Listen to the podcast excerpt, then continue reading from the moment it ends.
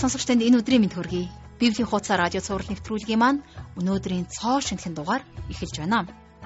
Тэгэхээр Десалоник хотынхны хувьд сар хүрэхгүй хугацааны дотор олноороо итгэсэн. Өрөөгдсөн хүмүүс байсан. Тэмч учраас тэд Паулийн алсаас захиагаар дамжуулан хэлсэн үг тушаал болгоныг нь биелүүлэхэд ямагт биелэн халуун сэтгэлээрээ нэгдсэн хүмүүс байсан.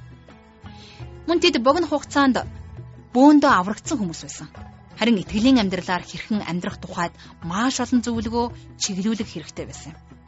Тиймээс Тесалоник ном товчхон товчхон олон арван тушаал заавартай шинэ гэрээний нэгэн сонирхолтой ном юм. Жишээ нь өнөөдрийн хичээл дээр ихэд 20 гаруй тушаал заавруудаас би зармийг нь онцгойлон дэлгэрүүлж авч үзэх болно. Миний хувьд сүнсийг бүү бөхөө гэдэг үг нэлээд онцгой санагдсан юм.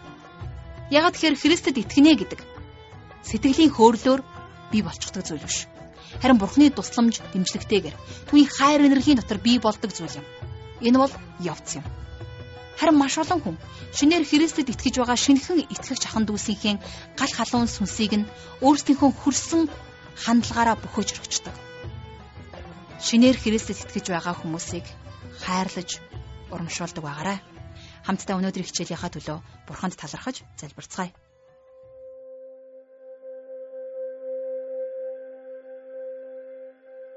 Бурхан эцэг минь, таньда энэ цагийн төлөө талархал өргөн залбирч байна. Та энэ цагт биднийг удирдан дагуулж, бидэнд амьд ариун үгээ өгөөрэй. Иесус Христэд итгэж, таны хүүхдүүд болсон бид, таны өмнө тааламжтайгаар, таны дотор дуудагдсан дуудлагадаа зохистойгоор амьдрахын тулд та энэ цагт бидэнд өөрийнхөө үг тушаалуудыг зааж сургаарай.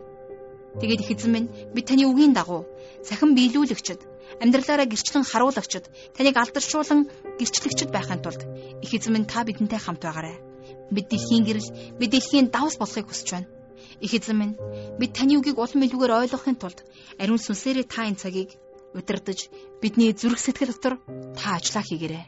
Бүх зүйлийг танд өргөж, эзэн Есүсийн нэрээр залбирanгуйж байна. Амен. Ингээд хамтдаа жаргал агшиг хичээлд анхаарлаа хандуулцгаая. За өнөөдөр энэ хичээлийн цагаар бид нар хамтдаа 1-р Тесалоник номынхон За 5 дугаар бүлгийн 12 дугаар ишлэлээс энэ бүлгийг дуустал нь үзэх болно. Ингээд хамтдаа 12-оос 13 дугаар ишлэлийг уншийе. За Паул ингэж бичсэн байна. Ах トゥ нараа дунд чин зүдэн зүтгдэг ба эзэн дор та нарыг удирдах зааварладаг хүмүүсийг хүндэлж ажлынхын төлөө та нар хайраар тэднийг өндрөөр үнэлэхийг хүсэж байна. Өөр хоорондоо ив найртай бай. За энэ хэсэгт Илж Паул итгэгч биднэрт хандсан нийт 22 тушаалыг өгсөн байдаг. За бид нар өнгөрсөн хичээлээрээ бол эхний хоёр тушаалыг үзсэн шүү дээ. Харин энэ хэсэг дээр өөр хоорондоо холбоотой 3 тушаалыг нэг дор хэлсэн байна. За тэгэхээр энэ 3 багц тушаалын эхнийх нь буюу Паулийн өгсөн 22 тушаалын 3 дахь нь Бурхны үгийг зааж сургадаг тэдгэр хүмүүсийг хүндлэх ёстой гэсэн тушаал байна, тийм ээ. Паул Тесалоник хотод сарж хүрэхгүй хугацаатай байсан. Тэрнийг анх тэнд очиход нэг ч итгэгч хүн тэнд байгаагүй. За тийм учраас Тесалоникийн итгэгчид бараг бүгдээрээ нэг үе нэгэн зэрэг Христэд итгэсэн хүмүүс байсан. Харин тэдгээр нэг үеийн итгэгчдийн дундаас Бурхны үгийг заах бэлэг авьяастай хүмүүс байсан нь мэдээж. За зарим нь номлох, зарим нь үйлчлэх гэх мэт янз бүрийн бэлэг авьяастай хүмүүс тэнд байсан. Христэд итгэсэн хүн болгон Христийн биеийг босгон байгуулахын тулд ариун сүнсний бэлэг авьяасыг хүлээж авдаг.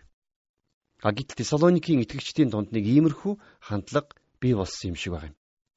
Юу вэ гэхлээр би тэр хүнтэй нэгэн зэрэгэл Христэд итгэсэн шүү дээ. Би тэр хүнийг Христэд итгэхээс өмнө ямар хүн байсныг нь сайн мэднэ. Гэхдээ тэр хүн яахаараа надад заадаг юм бэ? гэсэн ийм бодол. За ийм бодолтой итгэгчид Тесалоник хотын цуглаанд гарч ирсэн. Тийм учраас Паул тэднэрт хандаж Бурханаас бусдыгаа удирдах, эзний дотор бусдыгаа удирдан дагуулах бэлэг авьяасыг хүлээж авсан хүмүүсийг дагаж тэднийг хүндлэх ёстой гэдгийг өргөлт болгон онцгойлон хэлсэн байна, тийм ээ. За тэгвэл өнөөдөр ч гэсэн бас чуулганы дотор иймэрхүү хандлагатай хүмүүс олон байдаг. Бурхны үгийг сонсоод түүнийг дуулууртай дагдаг хүмүүс маш цөөхөн байдаг. Хүмүүс Библи бол Бурхны үг гэдэгт итгэдэг гэж ярьдаг хэрнээ яагаад бусдын заасан Библийн сургаалыг дагдгүй юм бэ? Бид нар Библийн үгийг эхнээсээ дуустал нэг хавцаас нөгөө хавцас хүртэл тэр чигтээ Бурхны үг гэдэгт итгэдэг гэж ярьдаг хэрнээ тэр хоёр хавцны хооронд байгаа үгсийг тэр бүр анзаардаг.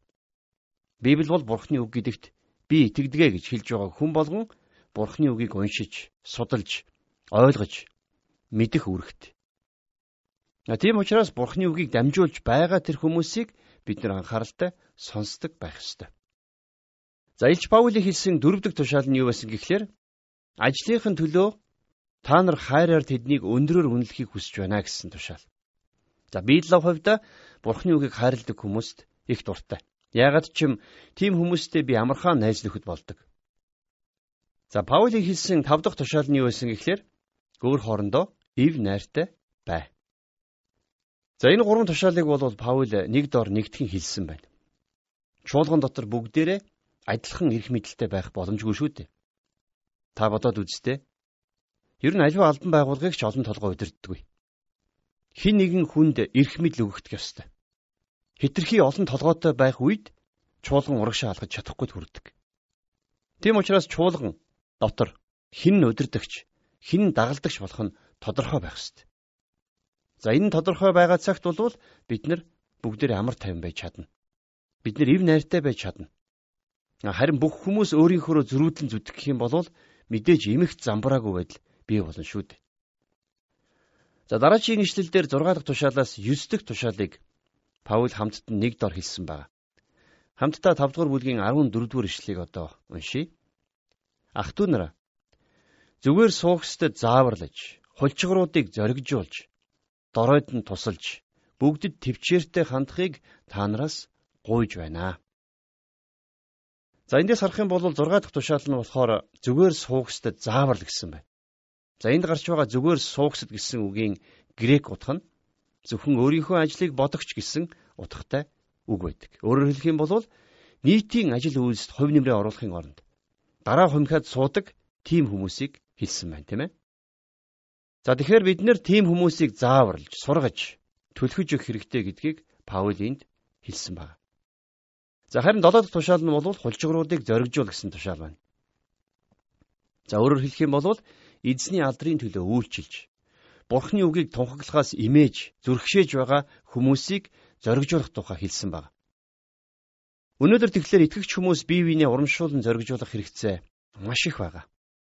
Өнөөдөр итгэгч хүмүүс бие биенээ тэврээд Найз минь чи чаднаа. Би чиний төлөө зогсох болно. Би чиний төлөө залбирэн шүү гэж хэлэх цаг болцоод байна.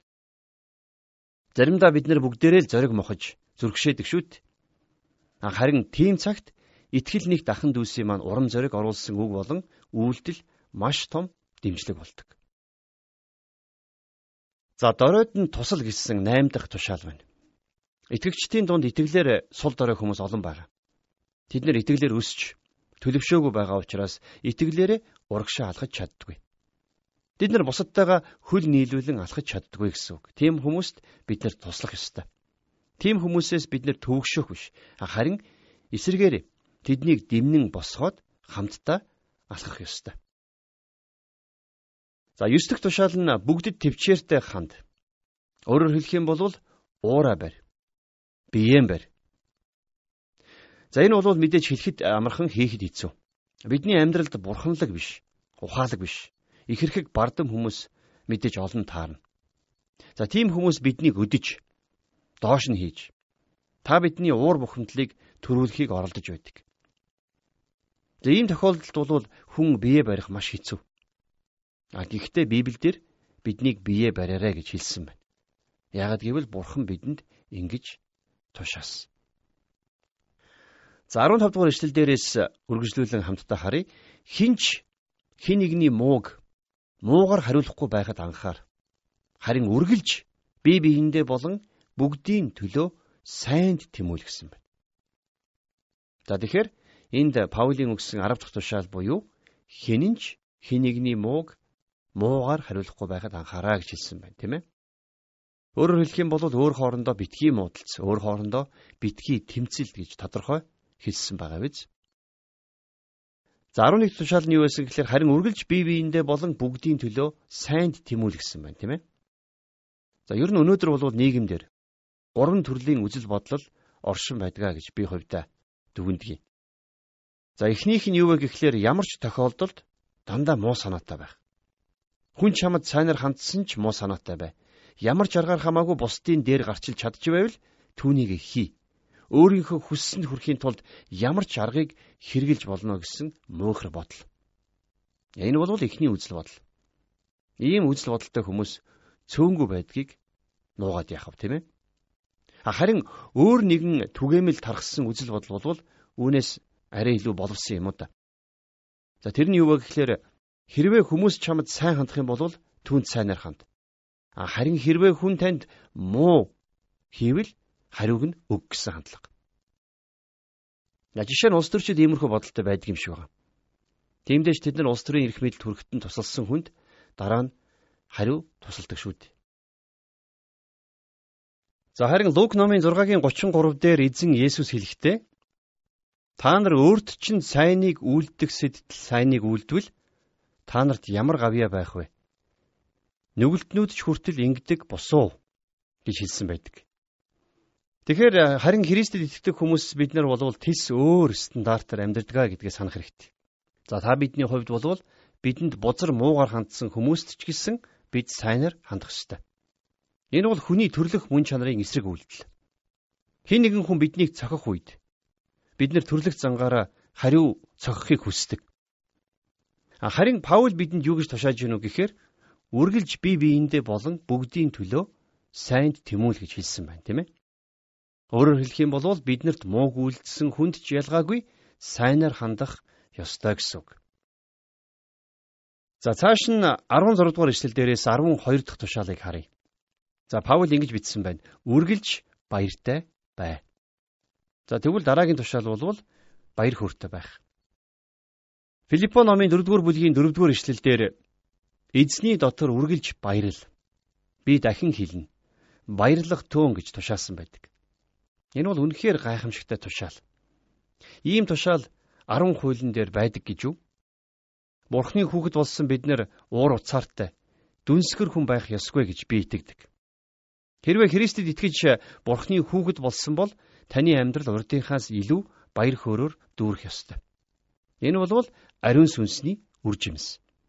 Хайр, баяр хөөр, амар тайван.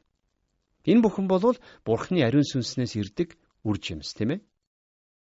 Тэгэхээр хэрвээ та баяр хөөртэй байж чадахгүй байгаа бол Бурхны үгийг уншаад зүрх сэтгэлд чинь баяр хөөргийг өгөхийн төлөө Бурханаас залбирэн гуугаарай. Бурхан тэр зүйлийг гарцаагүй хийх болно. За 17 дугаар ишлэлдэр тасралтгүй залбир гэж бичсэн байна.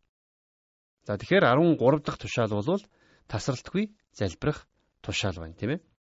За энэ бол итгэгч хүн дандаа л залбираад байхын нэр биш харин тогтмол залбирч үргэлж залбирлын хандлагатай байхыг хэлж байгаа юм.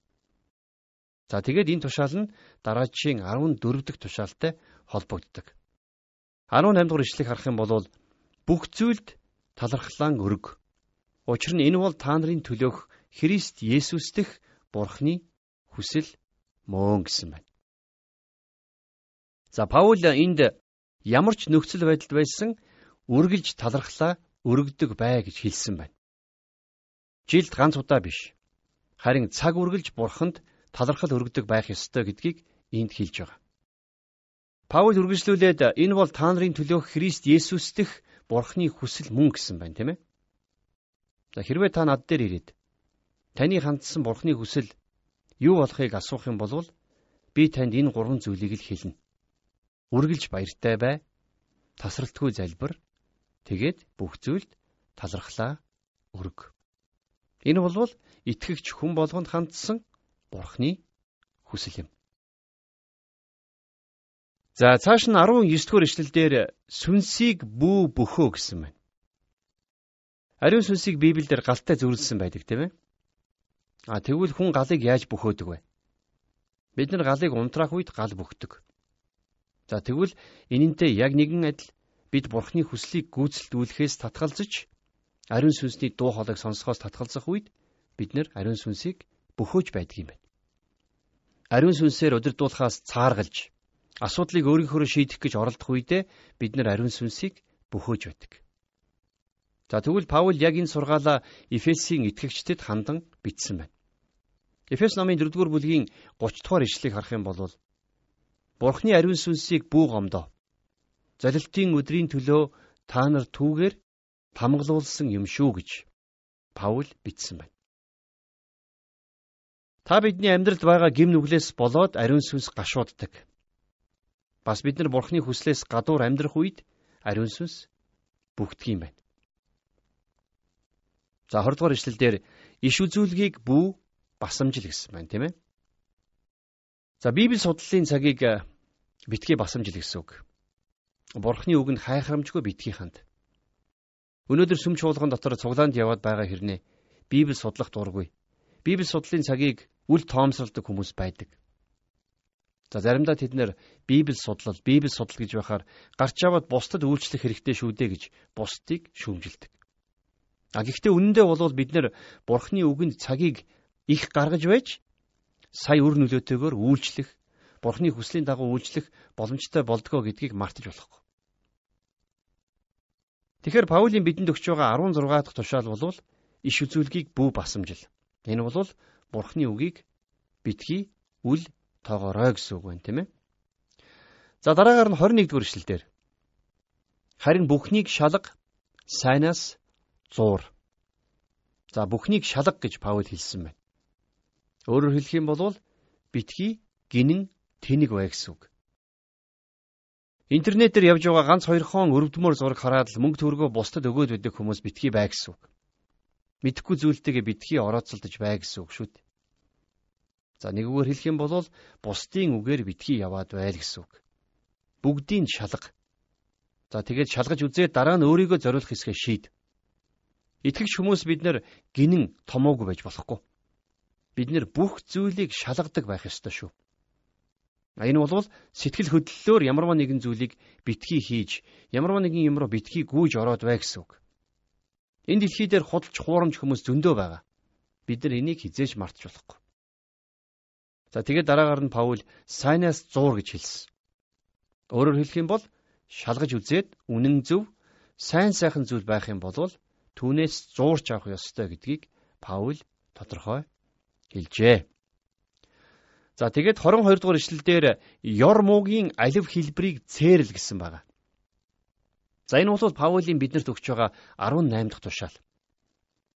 Энэ тушаал та бидний дотор төрдөг олон асуултын хариулт нь болж чадна.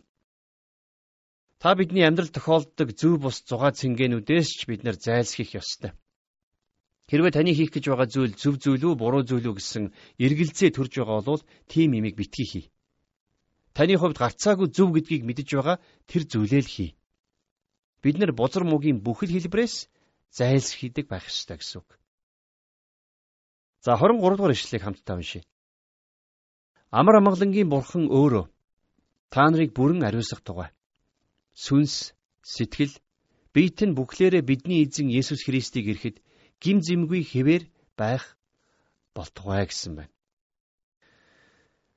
За хүн гэдэг бүтээл гурван хэсгээс бүрддэг болохыг бид нар эндээс дахин харж болж байна. За энэ тухай бол бид нар өмнөх хичээлээрээ ярилцж байсан тийм ээ. Тэгэхээр хүн болвол сүнс, сэтгэл тэгээд бие махбодоос тогтдог. Тэгэхээр энд Паул та биднийг бурхны өмнө төлөвшөж итгэлээр өсөөрэй гэж хэлсэн байна. Бид нэр Христийн дотор балчир хүүхдүүд байгаад байж болохгүй. Бид нар өдрөөс өдөрт төлөвшил рүү өсдөг байх ёстой. За 24 дугаар эшлэлдэр та нарыг дуудагч нь итгэмжид бөгөөд тэр мөн үүнийг биелүүлэх болно. За бидний итгэдэг бурхан бол итгэмжтэй сайн бурхан. Бид нэр түүнд ямар ч үед итгэж найдаж болно гэдгийг мартаж болохгүй. За 25 дахь ишлэл дээрээс 19 дэх тушаалыг хамтдаа харъя. Ах トゥ нараа бидний төлөөч залбир. За эндээс бид нэр сайн мэдээний төлөө хүчин зүтгэж байгаа хүмүүсийн төлөө залбирах ёстой гэдгийг ойлгох хэрэгтэй. Өнөөдөр мэдээж та Паулийн төлөө залбирах боломжгүй. А гэхдээ та сайн мэдээ тараахаар явж байгаа хүмүүсийн төлөө залбирч чадна. Та өөрийнхөө пастор, ахлагч нарын төлөө, илгээлтийн эзэдийн төлөө залбирч байгаарай. Тэд нар ч гэсэн танд талархах болно гэдэгт би итгэлтэй байна. 26 дугаар ишлэл. Бүх ах トゥ нарт ариун үнсэлтээр мэдчлээрэ. За энэ ч гэсэн бас Паулийн өгсөн тушаал. А гэхдээ ариун үнсэлт гэж гарч байгааг та харсан бах тийм ээ. Өнөөдрийн бидний энэ цаг үед бол халуун дотноор гар барь мэдчлэхэд болно. За 27 дугаар ишлэл дээр энэ загтлыг бүх ах トゥ нарт уншиж өгөхийг би та нараас эзнэр гуйж байна. За энэ бол Паулийн та бидэнд өгсөн 22 дахь тушаал байна. Энэ тушаалыг би сахиж энэ бүлгийг би танд бүхэлд нь уншиж өглөө шүү дээ. За тэгээд 28 дугаар ишлэлээр энэ хүү 1-р Тесалоникийн загтал маань дуусж байгаа. Эзэн Есүс Христийн маань нэгүүлсэл та нартай хамт байх болтугай гэж Паул өрөөгөөд загтлаа жаргаж байна. Тэгэхээр Паул Тесалоникийн итгэгчдийг өрөөснөөр энэхүү гайхамшигтай загтал дуустдаг.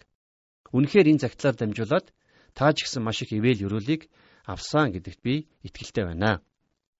Үнэхээр Тесалоник хотын итгэгчдийг өрөөсөн өрөөлөөр би таныг ч гэсэн бас өнөөдөр өрөөмөр байна. Эзэн Есүс Христийн маань нэгүүлсэл тантай хамт байх болтугай. Дараагийн хичээлээр эргээд уулзъя.